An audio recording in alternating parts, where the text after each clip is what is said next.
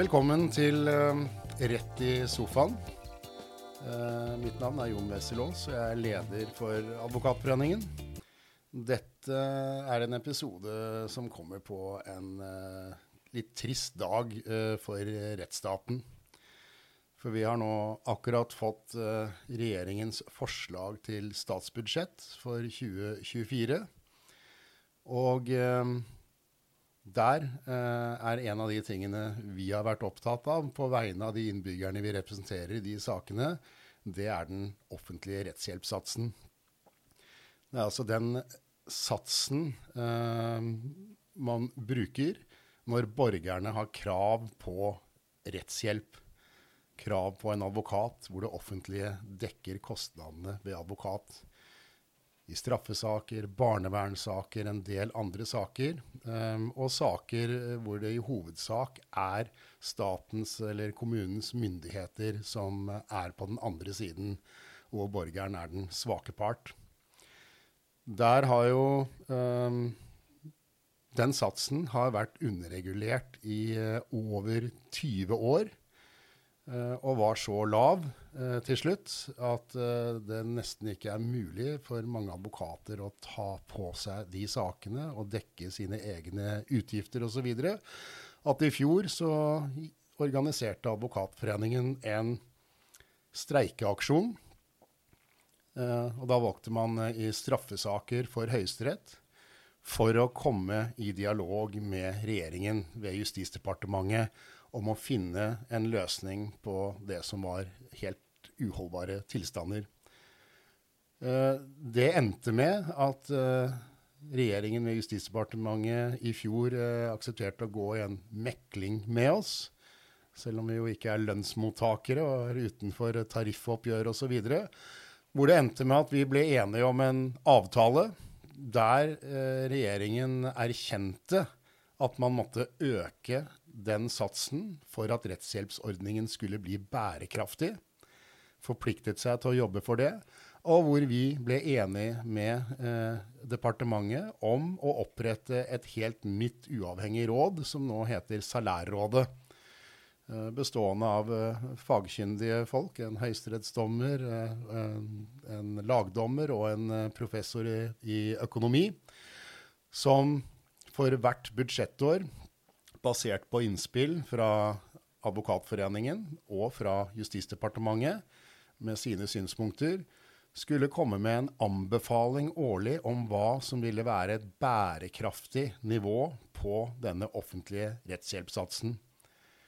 Vi fikk den første anbefalingen eh, fra det rådet i fjor høst, eh, hvor rådet anbefalte eh, per da ikke inflasjonsjustert for nå, de kommer med et nytt råd snart, at den rettshjelpssatsen burde ligge i 2023 på 1385 kroner per time. I dag så har regjeringen eh, fremmet forslag i statsbudsjettet på at rettshjelpssatsen skal være 1215 kroner timen betydelig under det som vi nå vet er bærekraftig.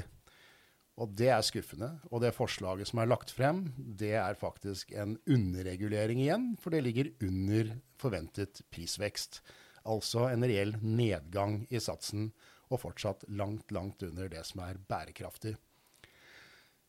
Vi er jo selvfølgelig skuffet over det, men uh, jeg har med meg her eh, representant for eh, Advokatforeningens eh, forsvarergruppe, eller Forsvarergruppen. Eh, Espen Mangberg, som sitter i styret der. Og Espen, hva tenker eh, du? Og du representerer jo en del av våre medlemmer som særlig representerer eh, de borgerne som har krav på, på offentlig rettshjelpssats. Hvordan er stemningen? Ja, Nå er det jo kort tid siden vi fikk tallene, men man ser på sosiale medier fort at medlemmene våre viser frustrasjon og skuffelse, og det forstår jeg veldig godt. Eh, her hadde man eh, forventninger, høye forventninger til at man omsider skulle anerkjenne den viktige jobben som gjøres for å ivareta de som er mest utsatt for det offentlige inngrep, nemlig straffesakene, eh, som er primærgruppen vi, vi jobber for. Men nok en gang så er den gruppen da satt på siden. Og som sagt, du nevnte straffesaker, men det gjelder jo flere parter også der. Det gjelder jo fornærmede, altså voldtektsofre eller andre ofre for kriminalitet. Den satsen deres bistandsadvokater får for å ivareta deres rettigheter. Det gjelder barnevernsbarn. Eh, det gjelder eh, langt flere grupper, denne satsen. Ja, og mange av eh, våre medlemmer da, som forsvarergruppen har, jobber jo med også å være bistandsadvokater, som du sier. Vi jobber også med barnevernssaker, og vi jobber med fri rettshjelpssaker, barnefordeling f.eks. Og I alle disse sakene er det jo typisk at det er den svake parten mot det offentlige, ofte. Bistandsadvokatene bistandsadvokaten er kanskje unntaket, men der har man jo en viktig rolle for den fornærmede i, i disse sakene. Og det syns staten altså at det ikke er verdt å engang se på eller kommentere hvorfor man ikke følger særlærrådets anbefaling. Nei, det kan man jo også tolke som en, en svakhet fra regjeringen. At den ikke engang klarer å, eller ønsker å prøve å forklare dette her. Um, det nye for oss nå er at vi har dette uavhengige SLR-rådet med sin anbefaling, eh, og hvor vi for så vidt eh, departementet har sagt de er enig med oss. At, eh, vi kan, at vi aksepterer at deres anbefalinger det representerer det som objektivt sett er et bærekraftig nivå. Så sånn sett så, så, så, de, så, innrømmer de jo åpent med sitt forslag nå at de mener at det er greit at vi har en rettsstat hvor den offentlige rettshjelpssatsen ligger betydelig under det som faktisk er bærekraftig. Og det er for så vidt noe nytt. Det er nytt, og det tenker jeg Altså det med, eh, med salærrådet, eh, da har man i hvert fall et råd som ikke er vår mening, som du var inne på å se, Eh, men noen andre aktører som ikke jobber som advokater, som mener at det er den riktige satsen. Mm. Da blir det også litt skuffende når Justisdepartementet har inngått en avtale, at man ikke velger å følge det, eller i hvert fall kommentere hvorfor man ikke ønsker å følge det, eller om man har en plan for fremtiden. Og Hadde man fått noen signaler der, så hadde det vært litt lettere å tolke dette elendige forslaget. Mm. Vi har vel en, eh, en justisminister foreløpig som uh, ikke i denne proposisjonen sier noe om dette, men som jo har sagt, både ved undertegning av den avtalen vi fikk med dem i fjor, uh, og også i ettertid, har uttalt at uh, hennes mål på vegne av regjeringen er å øke satsen for at den skal nærme seg det bærekraftige. Så det har vi, men ja. vi har bare ikke sett noen spor til det ennå. Nå har vi jo reelt sett bare fått en økning som knapt og ikke helt følger prisutviklingen. Ja, det er vel en forventet nedgang på rundt en prosent nok en gang, som jo er, er veldig, veldig, skuffende. Og det som blir vanskelig, og som blir eller i hvert fall en utfordring nå, er jo å få medlemmene til å på en måte orke å tenke langsiktig, eh, fordi man eh, ble bedt om å være tålmodig i fjor. Og så får man se hvordan tålmodigheten er i år. Ja, det, vi har vel sett eh, allerede at det, er, at det er medlemmer som roper om at nå må man ut i en aksjon igjen. Det har jeg sett. og det er jo Det må de gjerne mene, det er, men det er mange, mange, elementer som spiller inn i en sånn vurdering. Nettopp salærrådets eksistens eh, er jo, etter min oppfatning i hvert fall, eh, viktig å videreføre. Eh, og en aksjon så risikerer man jo at den blir sparket eller kastet, og da står vi igjen sånn det var tidligere. Og det er heller ikke noen ønsket ordning. Så her er det måte for og mot, og man må ta en nøye vurdering. I tillegg så er det jo Dette er jo regjeringens forslag. Man kan jo håpe, om man ikke tror, i hvert fall håpe at regjeringen har valgt én post hvor man har relativt eh, lite penger som skal til for å nå et mål, og håpe på at SV eller andre partier eh, i budsjettkonferansene etterpå eh, går inn for å se på hva salærrådet faktisk mener. Ja da, vi, er, eh, vi, har litt politisk realisme her, og det er en mindretallsregjering som er avhengig av støtte, og vi har jo sett det før. Og særlig fra enkelte partier. Så vi får håpe at de har eh, lagt inn eh, noe de har å gå på der. Og vi må jo igjen, når vi har dette salærrådet nå har en eh, For å bruke et dårlig norsk ord en, en benchmark, endelig, eh, på hva som er bærekraftig. At Stortinget, eller i hvert fall nok av Stortinget, tenker at det kan vi ikke være kjent med å ligge så betydelig under det som er bærekraftig en veldig viktig del av, av rettsstaten. og at vi ser en, en økning der. Det er, altså, det er altså mitt håp. Og jeg forstår, jo, jeg forstår jo godt frustrasjonen blant medlemmene våre. Også de som roper om, om en ny aksjon. Og det er ikke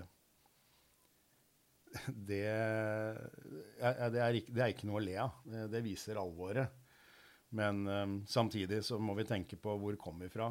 Og vi kom fra ingenting.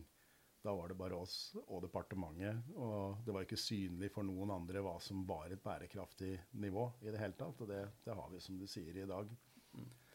Og så tenker jeg at uh, i, uh, i budsjettforhandlingene, og hvis man prøver å legge press på noen av de politikerne vi kanskje skal uh, få med oss på laget, så er det jo denne maktubalansen som øker. fordi staten og kommunens egne folk de får jo prisindeksregulert eh, godtgjørelse, mens vi blir underregulert. sånn at differansen blir jo ytterligere større mellom borgerne og staten. Og det eh, er ikke en rettsstat verdig. Og eh, i kall dårlige tider som det er nå, så er jo nettopp rettsstatens eh, ek, altså rettsstaten ekstremt viktig for de svake.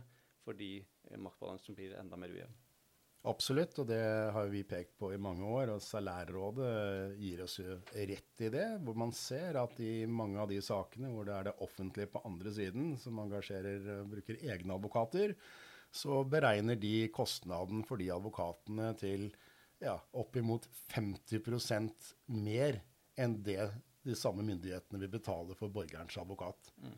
Uh, og det er jo, Vi har noe som heter rettferdig rettergang, eller fair trial. Ja. og jeg tror ikke det er noen som er enig i at det er fair trial når maktens advokater blir betalt 50% mer enn borgerens advokat, som i utgangspunktet er underlegen i, i forholdet.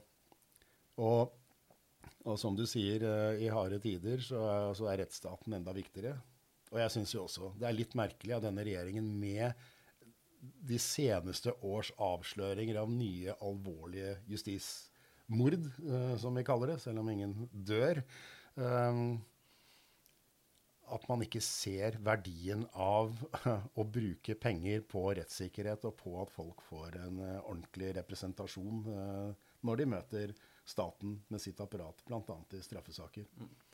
Ja, og i, i forlengelsen av det så kan man kanskje det som folk, andre folk merker mer direkte. altså Straffesak er på en måte noe fjernt for veldig mange. Å bli off, voldsoffer er nærmere, for det kan man bli litt mer tilfeldig. Eh, og enda eh, mer eh, kanskje reelt er jo barnevernssakene, som vi også har sett at Norge har fått mye kritikk for gjennom mange år. Mm. Og der er man jo avhengig av at det er advokater som vil stå på for klientene sine og unngå nye, kall det, uheldige eh, omsorgsovertakelsessaker, adopsjonssaker og lignende. Og de advokatene er jo også på den samme lave satsen og møter kommunens advokater, som er eh, godt betalt på andre siden. Ja, men vi får uh, foreløpig så får vi trøste oss med at dette tross alt er et forslag uh, som det er Stortinget som skal ta stilling til, og trøste oss i tillegg med at uh, det er en mindretallsregjering som faktisk er avhengig av å få med seg noen flere enn seg selv på Stortinget for å få gjennom sitt budsjett. Mm. Og, at, at, og Salærrådets klare anbefaling ligger der, sånn at også de representantene ser det. Skal vi være bekjent av en stat som velger å gjøre seg enda sterkere mot borgerne. Ja. Nei, vi får bare vente og se og, og stå på videre, som vi har gjort hele veien. Ja. ja. Takk for i dag, og takk for dere som fulgte oss.